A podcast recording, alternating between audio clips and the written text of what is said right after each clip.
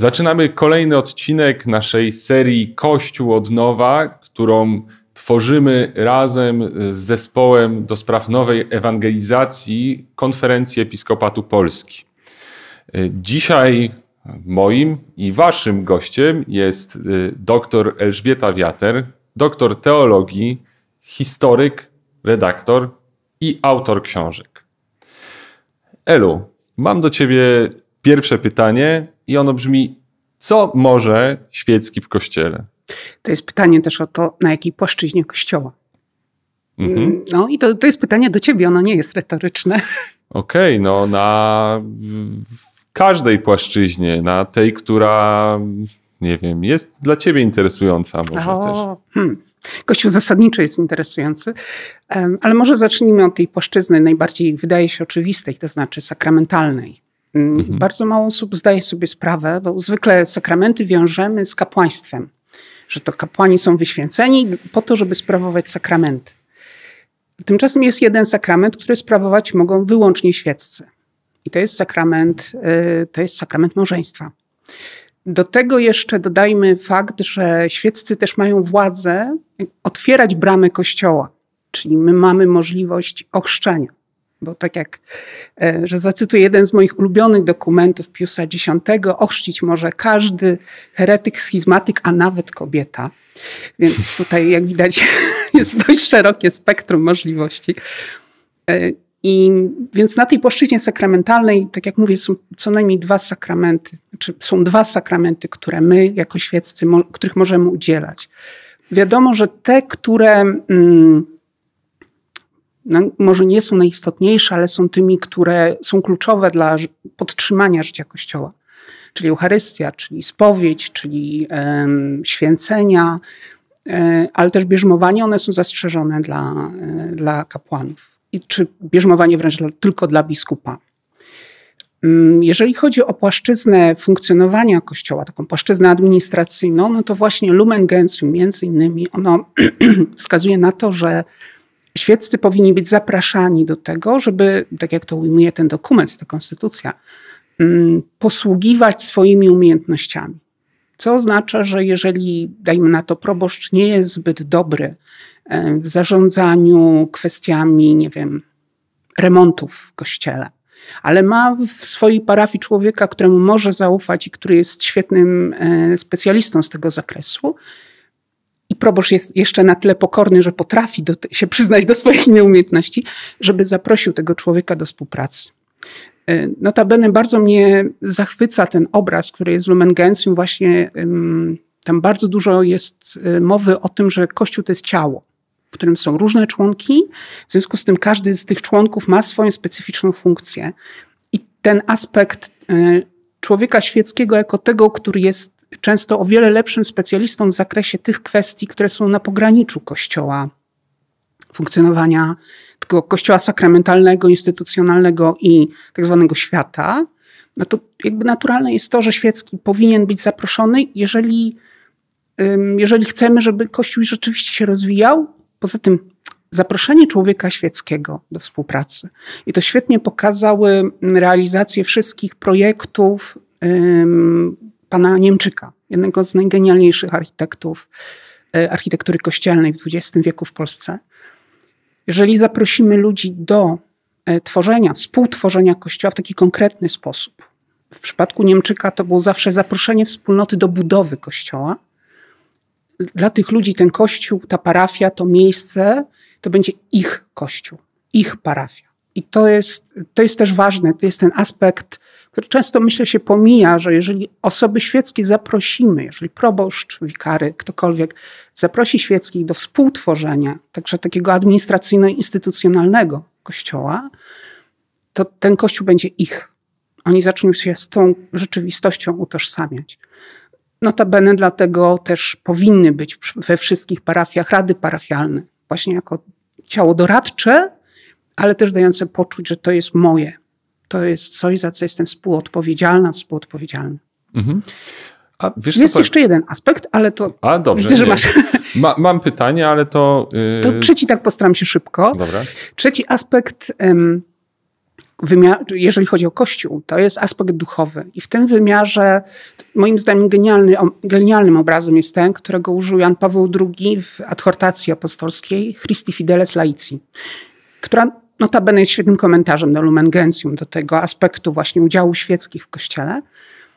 Obraz krzewu winnego, to znaczy wszyscy jesteśmy e, włączeni w Chrystusa. I w tym, na tym poziomie już nie ma zróżnicowania na to, że jest kler, na to, że są świeccy, na to, że są konsekrowani.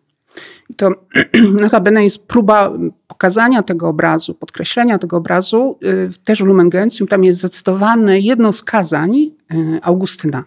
I Augustyn tam mówi, że z wami jestem, y, dla was jestem biskupem, ale z wami jestem chrześcijaninem. I to, że jestem biskupem, teraz parafrazuję, mnie przeraża.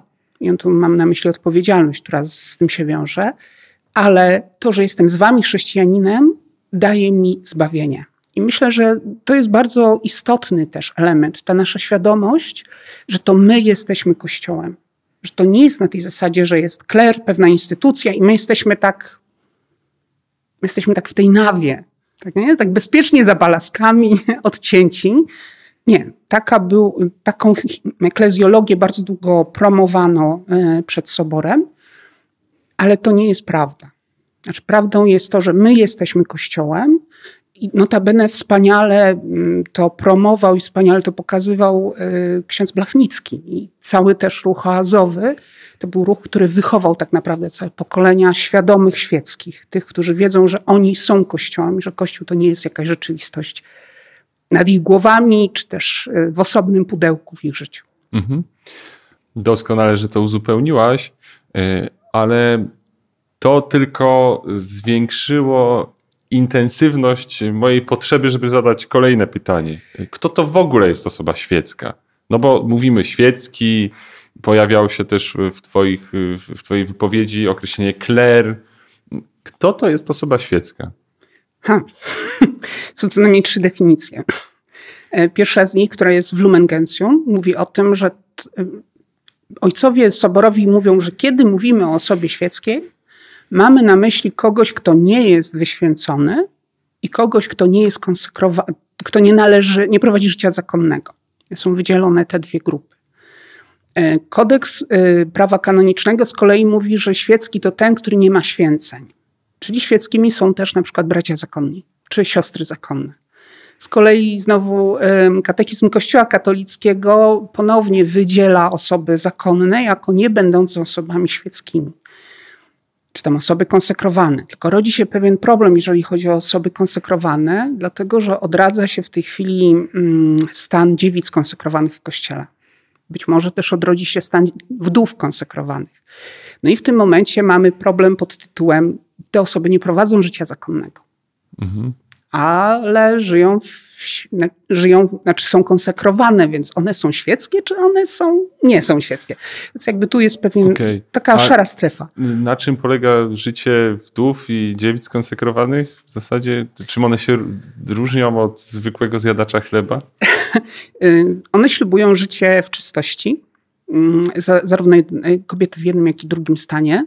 Z tym, że tak jak mówię, nie wiem, czy ten stan wdów konsekrowanych, czy on wrócił już do funkcjonowania w kościele. Ale jeżeli chodzi o dziewice konsekrowane, to są e, kobiety, które ślubują czystość, e, są zobowiązane do posłuszeństwa biskupowi, są podporządkowane biskupowi i to są osoby, które normalnie funkcjonują rzeczywistości świeckiej, że tak to ujmę. Wykonują normalne zawody, pracują, nie wiem, malują ikony, mają jakieś swoje własne jednoosobowe działalności y, gospodarcze albo też po prostu pracują. Ich życie polega właśnie na oddaniu się całkowicie Chrystusowi, byciu świadkiem w świecie. Myślę, że to jest takie mocne podkreślenie, um, myślę, że to jest takie mocne podkreślenie tej umiejętności oddania siebie całkowicie i tu się pojawia aspekt ofiary, który jest bardzo współcześnie niechętnie widziany. Mhm. Może dlatego, że też jest źle rozumiany. Korci mnie, żeby zapytać, no to jak dobrze rozumieć y, ofiary? Też w życiu osoby świeckiej. Myślę, że to jest, my gubimy, myśląc o ofierze, to widzimy, a to teraz będę się, nie wiem, biczować albo mhm. będę się zmuszać do rzeczy, których nie lubię. Ewentualnie będę się zmuszać do rzeczy, które są dla mnie destrukcyjne, i to już jest najbardziej skrajny błąd, moim zdaniem. Tylko gdzieś gubi się to, że w, w każdej konsekracji i w każdej ofierze przede wszystkim chodzi o większe dobro. To znaczy, ja wybieram większe dobro. I to nie jest na tej zasadzie, że mm, ja w tej chwili nie wiem, nie będę czegoś jeść, ewentualnie y, będę chodzić do osoby, której nie cierpi, która jest dla mnie toksyczna, czy będę tkwić w toksycznej relacji, no bo ja mam się umartwiać. To nie chodzi o umartwianie się dla umartwiania się. Dla nas takim idealnym obrazem, czy wskazaniem na to, czym jest doskonała ofiara, jest Eucharystia. Ona polega na czym? No na tym, że Bóg nam daje, to zresztą jest podkreślone w modlitwie wstępnej podczas tej części eucharystycznej, Bóg nam daje chleb, znaczy Bóg nam daje pszenicę, Bóg nam daje winogrona. My to bierzemy, zamieniamy to w wino, zamieniamy to w chleb. Potem to wino i chleb przynosimy na ołtarz i oddajemy Bogu. A Bóg to przyjmuje i przemienia w ciało i krew Chrystusa. Więc mamy pewne dobro, które zamieniamy na jeszcze większe dobro przez to, że to oddajemy. I ofiara w życiu chrześcijanina polega na tym, że ja szukam większego dobra. I w imię tego większego dobra rezygnuję z pewnych rzeczy. Y, wtedy też następuje to, o czym mówi Jezus, że lewa ręka nie wie, co czyni prawa. Dlaczego? Ponieważ ja się nie zastanawiam nad tym, że ja tu teraz się będę umartwiać. Nie? Ja tu ta, teraz będę tak wchodzić w takie ciężkie doświadczenie i tu będę takim herosem, prawda? Tu mięśnie duchowe mi wyskoczą, nie? Taki biceps czy tam inny triceps. Nie. Chodzi o to, że jest pewne dobro, ja do tego dobra dążę. I w imię dążenia do tego dobra rezygnuję z tych rzeczy, które mnie do niego nie prowadzą. Nie? I na tym polega ofiara w życiu chrześcijańskim. Ale też jest ten aspekt w ofierze przyjęcia łaski. To, to co mówię, to, to co jest w Eucharystii, nie? że to Bóg daje mi pszenicę, Bóg daje mi winogrona. Ja je przetwarzam i znowu oddaję Bogu, Bóg je przyjmuje, przetwarza i znowu oddaje mi. Nie? Więc jakby tu jest ten cały czas proces wymiany daru i zaczyna się od łaski. I to jest jakby najistotniejsze. Mhm. E, okej, okay, to wydaje mi się, że to jest bardzo y, ważne, ale to też mi się kojarzy trochę z tą definicją, o której powiedziałaś. Mm. Że y, definicja osoby świeckiej jest przez zaprzeczenie. I też możemy czasem myśleć o tym, że życie chrześcijańskie i ofiara w życiu chrześcijanina jest właśnie jakimś zaprzeczeniem. E, czy masz jakąś definicję osoby świeckiej? Czy życia chrześcijańskiego, która nie byłaby y, sformułowana przez y, przeczenie? Powiem tak, nie da się. Y, zastanawiałam się nad tym, czy, czy jest możliwe, pozytywne zdefiniowanie osoby świeckiej. Myślę, że nie. Z tego względu, że naturalnym stanem chrześcijanina jest bycie osobą świecką. I potem do tego dodajemy pewne aspekty. To znaczy, ktoś składa śluby, staje się osobą konsekrowaną. Ktoś przyjmuje święcenia, staje się osobą duchowną. Ale zasadniczo to jest, znowu wrócę do Augustyna. My wszyscy jesteśmy chrześcijanami, wszyscy jesteśmy tymi latoroślami, które są e, wszczepione w Chrystusa i się rozwijamy. Dlatego chrześcijanina świeckiego, można powiedzieć, definiuje się negatywnie, ponieważ to jest stan naturalny. To znaczy, naturalny chrześcijanin, taki natura, nasz chrześcijanin sote, to jest chrześcijanin świecki. A potem możemy dodawać do tego chrześcijanina sote pewne elementy związane z jego na przykład posługą we wspólnocie, ale on wciąż pozostaje, znaczy jakby ta istota jego pozostaje świecka. Ja sporo się zajmowałam duchowością świeckich. I niektórzy tak mówili, że a, to takie banalne historie, takie oczywiste historie. I takie oczywiste rzeczy mówię. No tak, dlatego że duchowość świeckich jest duchowością prostą, ona jest tą duchowością podstawową.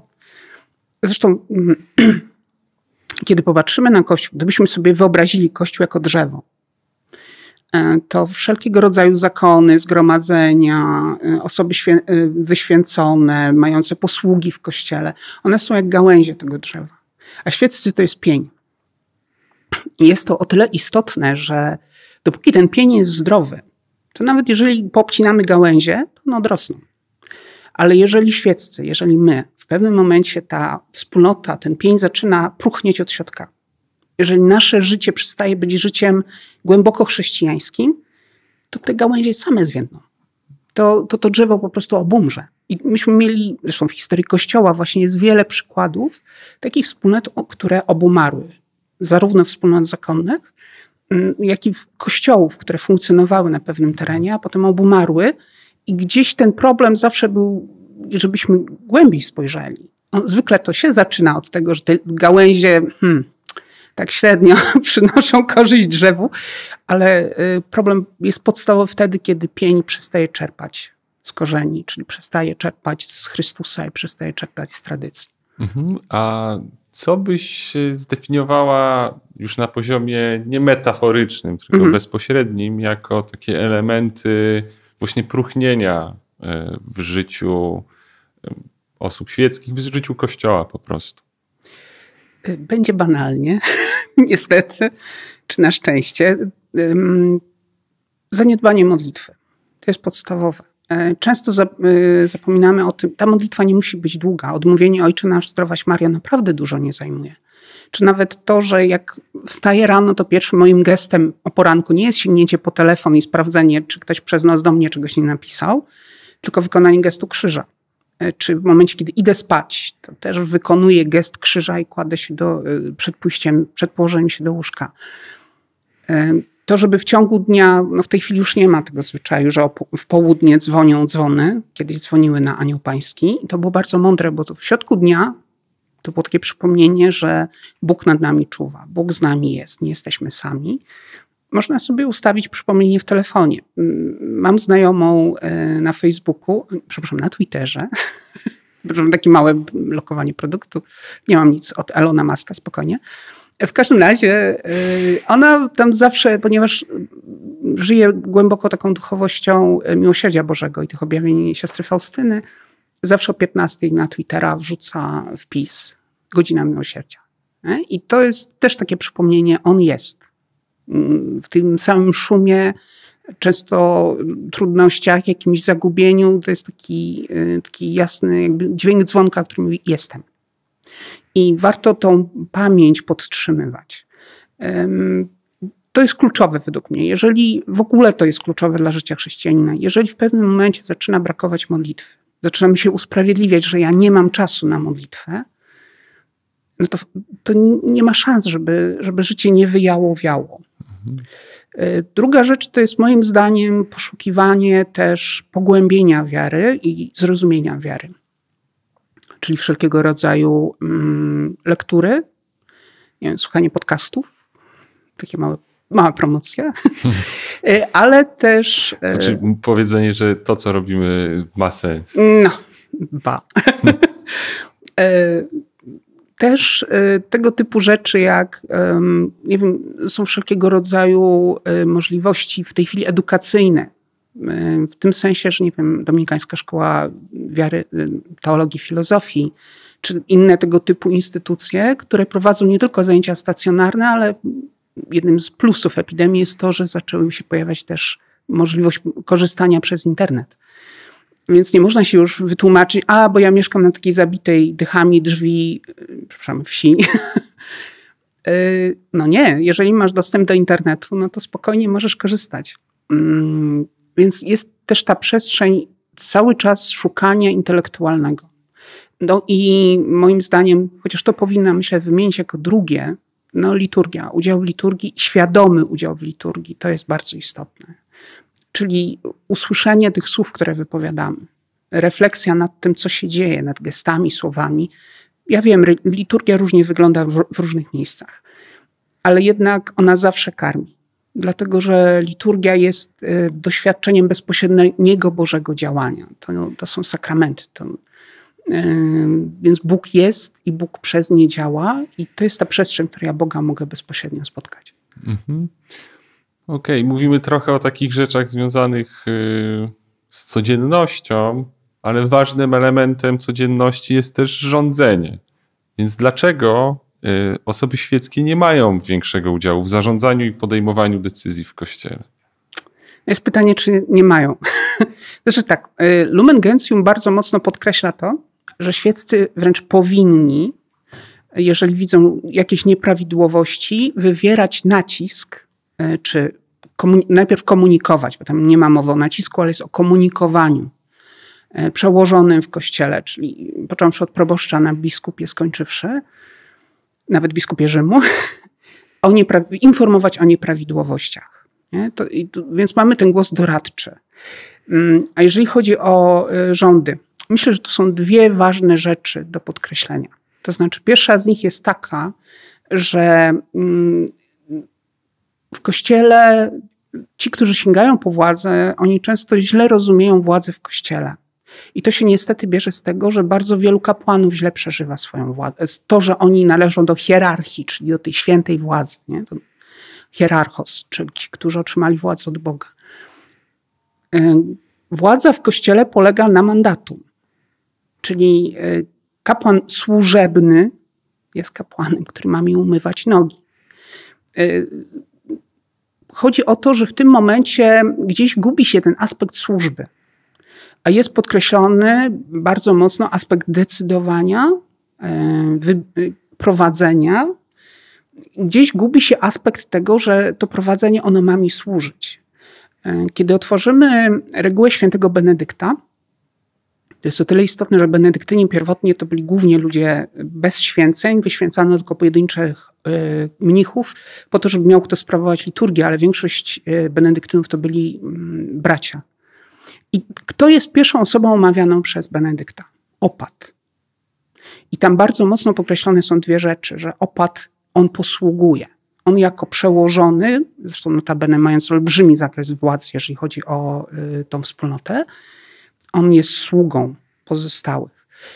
Drugi element to jest to, że Benedykt mocno podkreśla jedną rzecz. Masz olbrzymią władzę, ale to pociąga za sobą olbrzymią odpowiedzialność.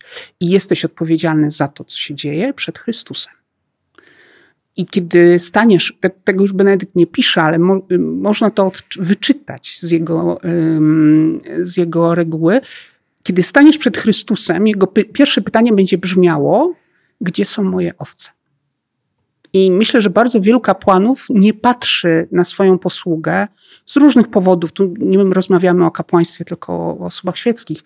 Nie patrzy z perspektywy tego, że oni staną przed Chrystusem i nie będą odpowiadać wyłącznie za, za, swoje, mm, za swoją duszę.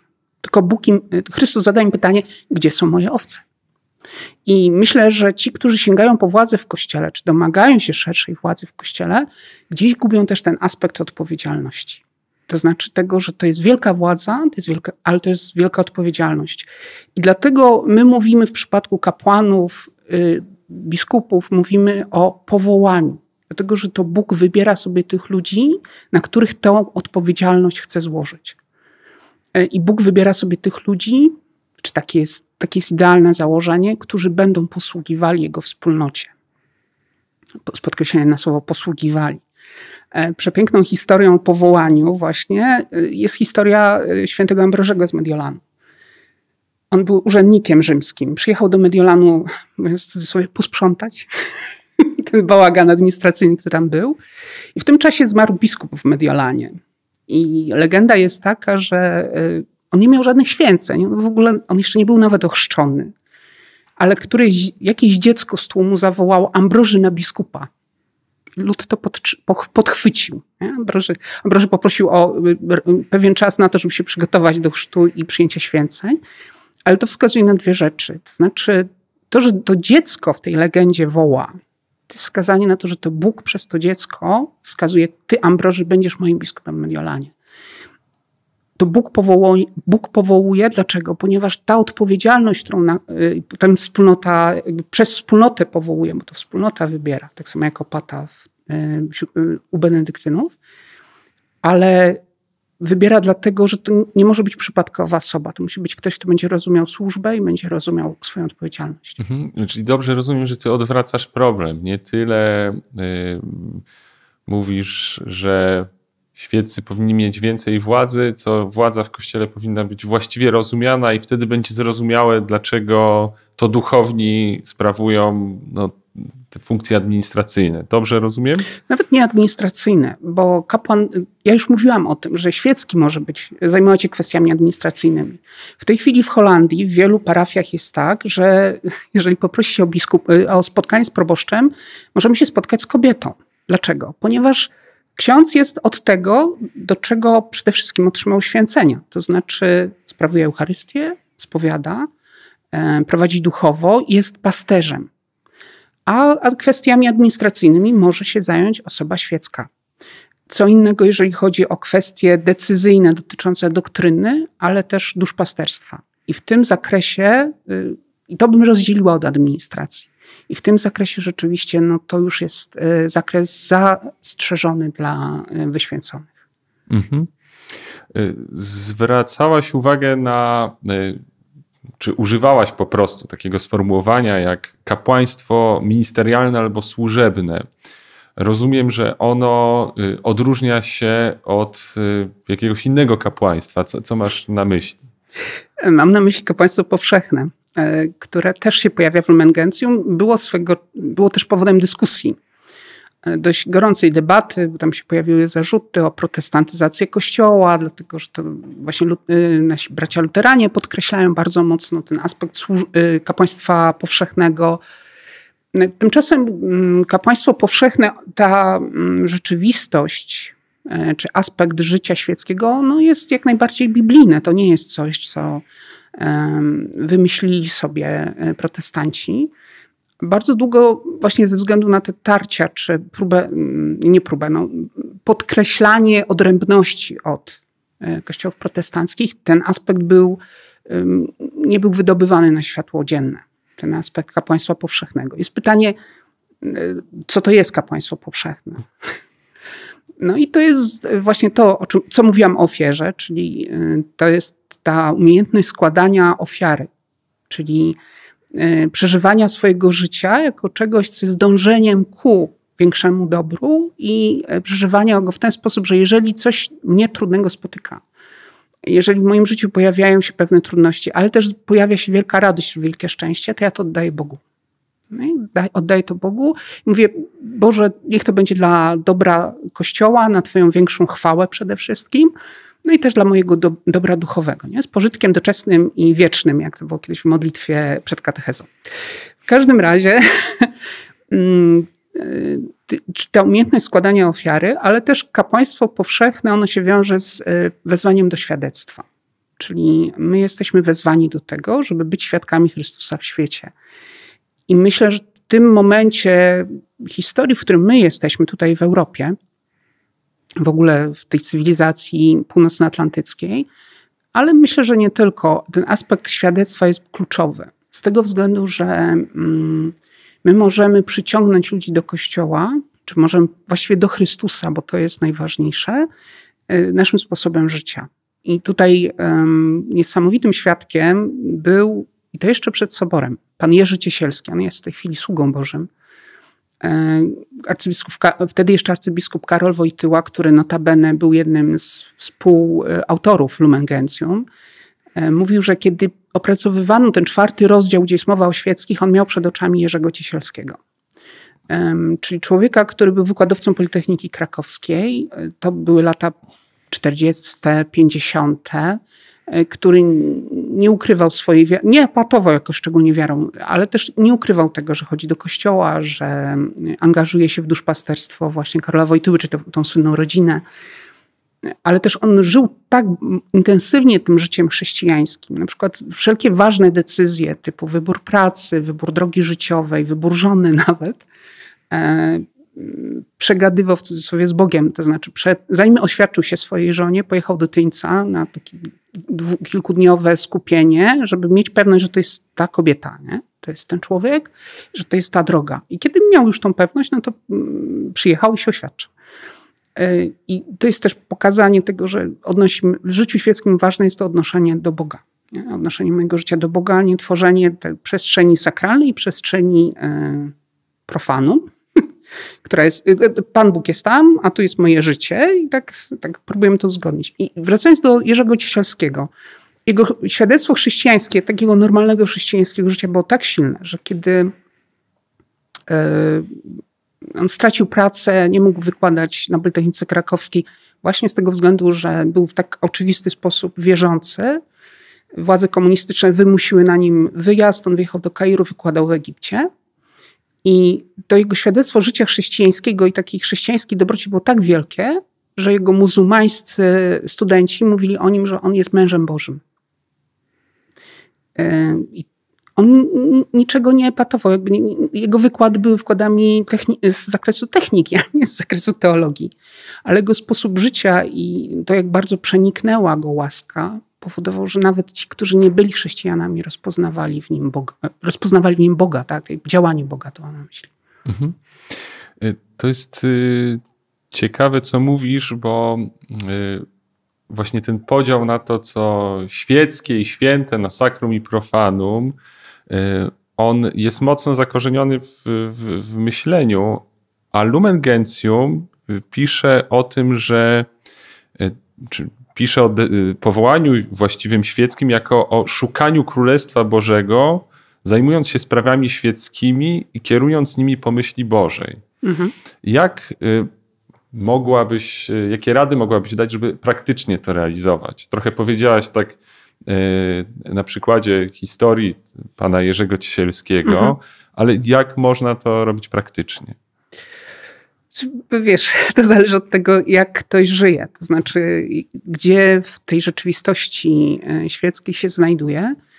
Mm, wiem, dla mnie takim przykładem pięknego życia chrześcijańskiego posługi jest na przykład e, Sylwia Juszczyk, która jest pielęgniarką i jest człowiekiem, który jednocześnie e, nie ogranicza się wyłącznie do tego swojego zawodu, ale też wyszukuje ludzi potrzebujących i im posługuje, jest z nimi. Ale też to, co mnie uderza bardzo w życiu Sylwii, to jest to, że mm, i sposób wykonywania zawodu jest bardzo przeniknięty wiarą. To znaczy, ona widzi przede wszystkim człowieka. E, I też tą przestrzeń cierpienia, bólu, też ludzie bywają trudni, w tym sensie, że no, czasem ludzie wzywają karetkę niekoniecznie dlatego, że rzeczywiście tej karetki potrzebują, ona jednak mimo wszystko w tą przestrzeń potrafi wprowadzić mm, pokój, albo zwrócić uwagę, jeżeli widzi, że coś jest nie tak, że coś nie jest, e, nie, nie jest zgodne z tym, jak powinno być. Co więcej, Sylwia wnosi w tą przestrzeń modlitwę, ale też wnosi mm, takie specyficzne dla chrześcijaństwa podejście. To znaczy, na pierwszym miejscu jest człowiek.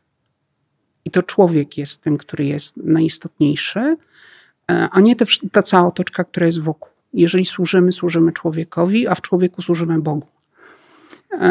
Też można zapytać, no okej, okay, fajnie, no ale ja pracuję w korpo, nie? Czy wklepuję te, siedzę i wklepuję te cyferki do e, tabelek. Ewentualnie jestem e, osobą, która jest e, już gdzieś tam wyżej w tej, w tej, na tej drabince.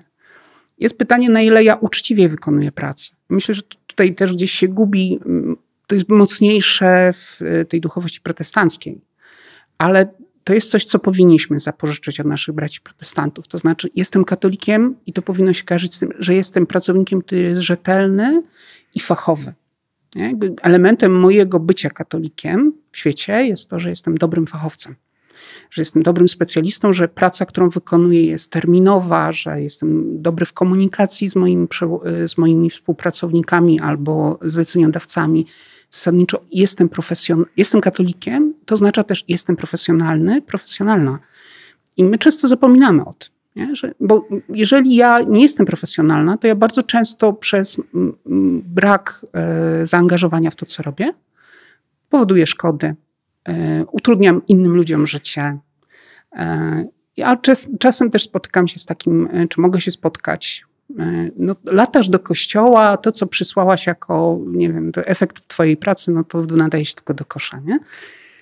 No to jest antyświadectwo, moim zdaniem. E, więc jakby aspekt profesjonalizmu w życiu zawodowym, czy też w życiu rodzinnym, jeżeli ktoś nie, nie pracuje zawodowo, tylko na przykład opiekuje się dziećmi, bądź też ma, nie wiem, ma niepełnosprawne dziecko, mam takie znajom, znajomą rodzinę e, Kasprzyków. Oni nie mogą pracować, bo mamy Mamy takie prawo w Polsce, nie będę używać przymiotników, które zabrania osobom opiekującym się niepełnosprawnymi dziećmi o pracę zawodową. I oni oboje wychowują swoje dzieci, opiekują się swoim najstarszym niepełnosprawnym synem. I niewielu znam tak e, pełnych pokoju dobrych ludzi, ale to też się realizuje przez właśnie tą miłość, którą oni obdarzają swojego syna i swoje córki. I to, że oni troszczą się o to, żeby ci, te dzieci wyrosły na najlepszych możliwych ludzi. I tu jest też aspekt, myślę, że on jest lumengencją, nie wiem, czy chciałeś o to zapytać, mhm. jak istotna jest rodzina. My gdzieś gubimy też to, że ci, którzy zakładają rodzinę, większość z nas do tej pory przynajmniej zakładała rodzinę, y, ta przestrzeń domowego kościoła, tu znowu powraca ksiądz Blachnicki, jest tą przestrzenią, gdzie my jako chrześcijanie bardzo mocno możemy realizować nasze powołanie kapłańskie, ale też to właśnie prorockie, prorockie czyli nauczyciela i um, umknęło mi teraz trzecie ministerium. W każdym razie um, chodzi o to, że... Królewskie. Królewskie, o właśnie. Um, chodzi mi o to, że skąd wyrastają, czy skąd wychodzą powołania, święci ludzie, ludzie zaangażowani w relacje z Chrystusem, chcący wzrastać w tej relacji. No na ogół z rodzin. Jeżeli mamy zdrową, zdro, w miarę zdrową, no bo nie ma idealnie zdrowych rodzin, w miarę zdrową rodzinę, rodziców, którzy są, dla których Chrystus jest rzeczywiście na pierwszym miejscu. E, i którym zależy na tym, żeby ich dzieci były najlepszymi możliwymi ludźmi, naj, najbardziej jak to możliwe rozwinęły swój potencjał, no to, to jest też realizacja mojego charyzmatu chrześcijańskiego, nie? Jako, jako, jako rodzica, jako człowieka, wychować drugiego człowieka, wychować do tego, żeby on mógł się stać świętym. I też mógł y, pracować czy żyć dla dobra Kościoła. Ja tutaj opowiem moją ulubioną anegdotę o filozofce brytyjskiej, Elizabeth Crombie, Abercrombie, która była, no jednym z, jest jednym z większych nazwisk, y, jeżeli chodzi o filozofię y, na Oksfordzie. Ona w tej chwili już nie żyje, ale to kobieta, którą urodziła, robiąc przy okazji doktorat, habilitację, znaczy jakby wspinając się i pisząc kolejne publikacje, urodziła ośmioro dzieci. I po którejś z ciąż wróciła do domu, czy przepraszam, wróciła na uczelnię i któryś z dowcipnych studentów, to były lata 60., 70., napisał na tablicy Abercrombie rodzin. I cóż zrobiła pani Elizabeth? Wzięła kredę i dopisała nieśmiertelnych. I myślę, że tutaj y, bardzo istotne jest to, żeby rodzice chrześcijańscy mieli tą świadomość, że oni są odpowiedzialni, znaczy jakby odpowiedzialni. Oni dostali w swoje ręce kogoś, kto jest nieśmiertelny, kto jest powołany do nieśmiertelności i to szczęśliwej nieśmiertelności. Mhm. To jakoś bardzo mocno dla mnie brzmi. Y, chciałbym też zwrócić na inny aspekt. Trochę to poruszasz, ale Lumen Gentium też mówi o y, powołaniu świeckich w kontekście sprawiania, żeby Kościół był obecny i aktywny w takich miejscach i takich okolicznościach, w których jedynie przy ich pomocy może stać się solą ziemi. Jakie to są miejsca i okoliczności dzisiaj? No, chociażby y, front, który mamy za wschodnią granicą. Y, I to, że mamy taką tendencję do widzenia wojny trochę y, w relacji takiej, tych relacji, które przy, spływają z frontu. Nie? Że to jest linia frontu i tam są żołnierze, oni do siebie strzelają i się zabijają nawzajem albo kaleczą i zasadniczo wojna to, to jest front. Nie, wojna to jest jeszcze potężne zaplecze wojskowe, ale też to są ci wszyscy cywile. To są ci ludzie, którzy stracili pracę, dom, którzy często mają problemy na przykład e, z przeżywaniem dnia codziennego, bo nie ma prądu, bo nie ma innych mediów, bo jest problem z dostępem do wody albo do czystej wody, w ogóle dostępem do żywności E, I w tym momencie y, potężną, potężne zadanie stoi przed osobami właśnie świeckimi. Owszem, tam są potrzebni też kapelani, kapłani, którzy będą z tymi umierającymi żołnierzami. Ale y, w, dla świeckich to jest wezwanie do tego, żeby udzielić z tego, co my mamy, co, co zarabiamy, podzielić się z tymi, którzy bardziej potrzebują, ale też zaangażować się na przykład, jeśli jest taka możliwość, wolontariat to żeby zawieść im tę, tą żywność, żeby też usłyszeć, co ci ludzie mówią, o swoich potrzebach i, i odpowiedzieć właśnie na te potrzeby, a nie po prostu zasadniczo dać, bo mam, nie? I, bo mhm. mi zbywa, więc wyślę na wschód. Elu, y, wybacz, że, że, że to przerwę. To jest y, bardzo ważny temat i bardzo cieszę się, że o tym mówisz, ale on jest dość skrajny. Natomiast miejmy nadzieję, że wojna się skończy wkrótce. A co jeżeli nie będzie wojny? Gdzie to jest y, blisko, nie wiem, też na, na wyciągnięcie ręki?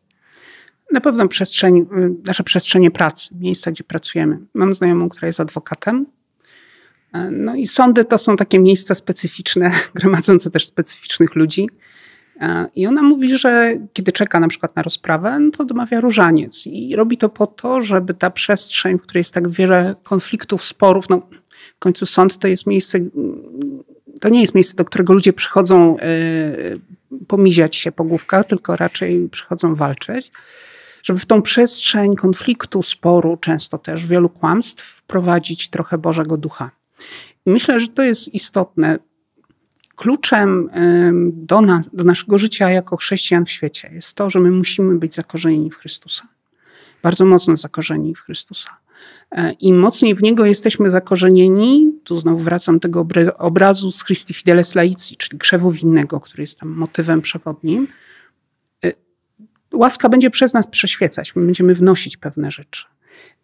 Był taki moment, kiedy rozumiano obecność katolików świeckich w świecie, y, czy takie właśnie zaangażowanie, o którym wspomniałeś w tym cytacie z Lumen Gentium, jako aktywność polityczną, czy prawie wyłącznie aktywność polityczną. Ten projekt niestety skończył się źle, bo wszelkiego rodzaju partie chadeckie albo obumarły, tak jak było w Polsce, albo skręciły bardzo mocno w stronę liberalno-lewicową.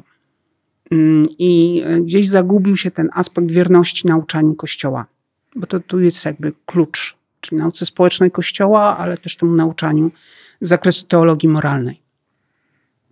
Tymczasem my możemy mieć wpływ na życie polityczne i to widać na przykład w Polsce. Jest ten słynny, znaczy trwający nieustannie spór o um, prawo um, dotyczące aborcji, czyli kompromis, tak zwany kompromis e, dotyczący prawa aborcyjnego. E, I tak naprawdę to nie politycy mają na to wpływ. To znaczy, jeżeli przyjrzymy się, no to większość tych manifestacji to nie są nawet manifestacje kościelne. To są ludzie świeccy, którzy po prostu e, walczą, rozpoznają swoje powołanie, czy jakby swoją drogę jako walkę o to, żeby jednak przynajmniej zachować ten kompromis, jeżeli nie przesunąć granic tego kompromisu. Tak jak mówię, to są osoby świeckie. I mm, w świecie demokratycznym, tak, demografia mi się wplątała, my możemy wywierać nacisk. I ja to tak bym czytała, jeżeli chodzi o Lumen Gentium. To znaczy, jako osoba świecka, ja mogę wywierać nacisk, wykorzystując struktury państwa demokratycznego, do tego, żeby były podejmowane takie, a nie inne decyzje. E, w zakresie, właśnie w sferze politycznej, żeby ten świat, w którym my funkcjonujemy, był światem, w którym jak najlepiej, znaczy po pierwsze ludzie żyją jak najlepiej, ale po drugie też e, możliwe jest to, to co pada w jednej z modlitw w Tryduum Paschalnym, żebyśmy mogli żyć, prowadzić życie ciche i spokojne. Czyli takie życie, które jest wpisane w Chrystusa jest życiem, i jest życiem, które jest jak najbliższe pełni życia czyli życia w pokoju, w radości i też w rozwoju naszego potencjału. Mhm. Wcześniej y, odwoływałaś się do tych y, misji Chrystusa, królewskiej, kapłańskiej, mhm, prorockiej.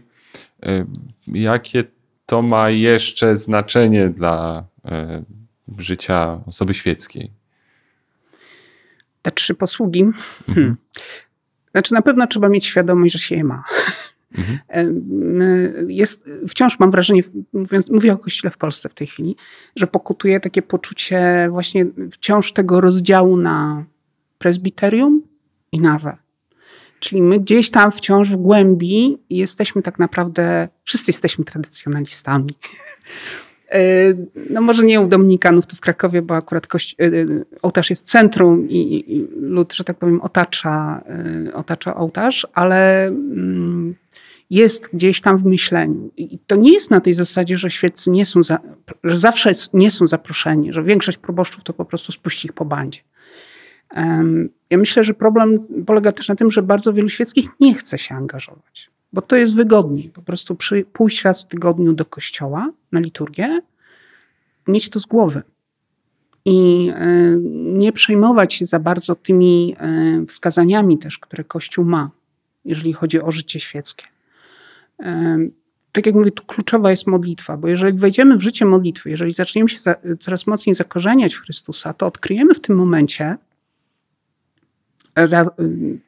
zaczniemy sobie zadawać właśnie to pytanie, co to znaczy, że jestem kapłanem, królem i prorokiem, czy w moim przypadku królową, y, ale i prorokinią, ale y, chodzi o to, że też y, w pewnym momencie zauważymy, że to w naturalny sposób, jak gdyby w naszym życiu jest realizowane. Jeżeli mm, jestem coraz bliżej Chrystusa i chcę być coraz bliżej Chrystusa, bez względu na to, jak wygląda moje życie codzienne, duch będzie mnie prowadził. My też często gubimy ten aspekt właśnie ducha, tego, że trzeba wołać Ducha Świętego prosić go o prowadzenie, e, o rozeznanie i o prowadzenie. Nam się wydaje, a bo Duch Święty to tylko, nie wiem, na wielbieniu.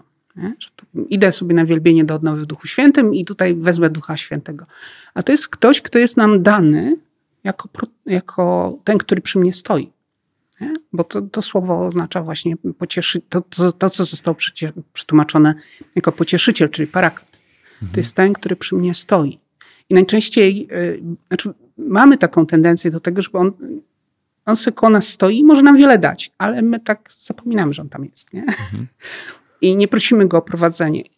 W życiu każdego człowieka, zwłaszcza osoby świeckiej, yy, to ta realizacja tych ministeriów będzie różna. Ona będzie zależała od historii życia tej osoby, od miejsca, które ona zajmuje w społeczności, od miejsca, które y, w jej życiu, na etapie jej życia, na którym etapie życia jest, bo to się przez całe życie zmienia. Inaczej to wygląda u nastolatka, inaczej u osoby 30-letniej, jeszcze inaczej u osoby, która jest e, w wieku emerytalnym.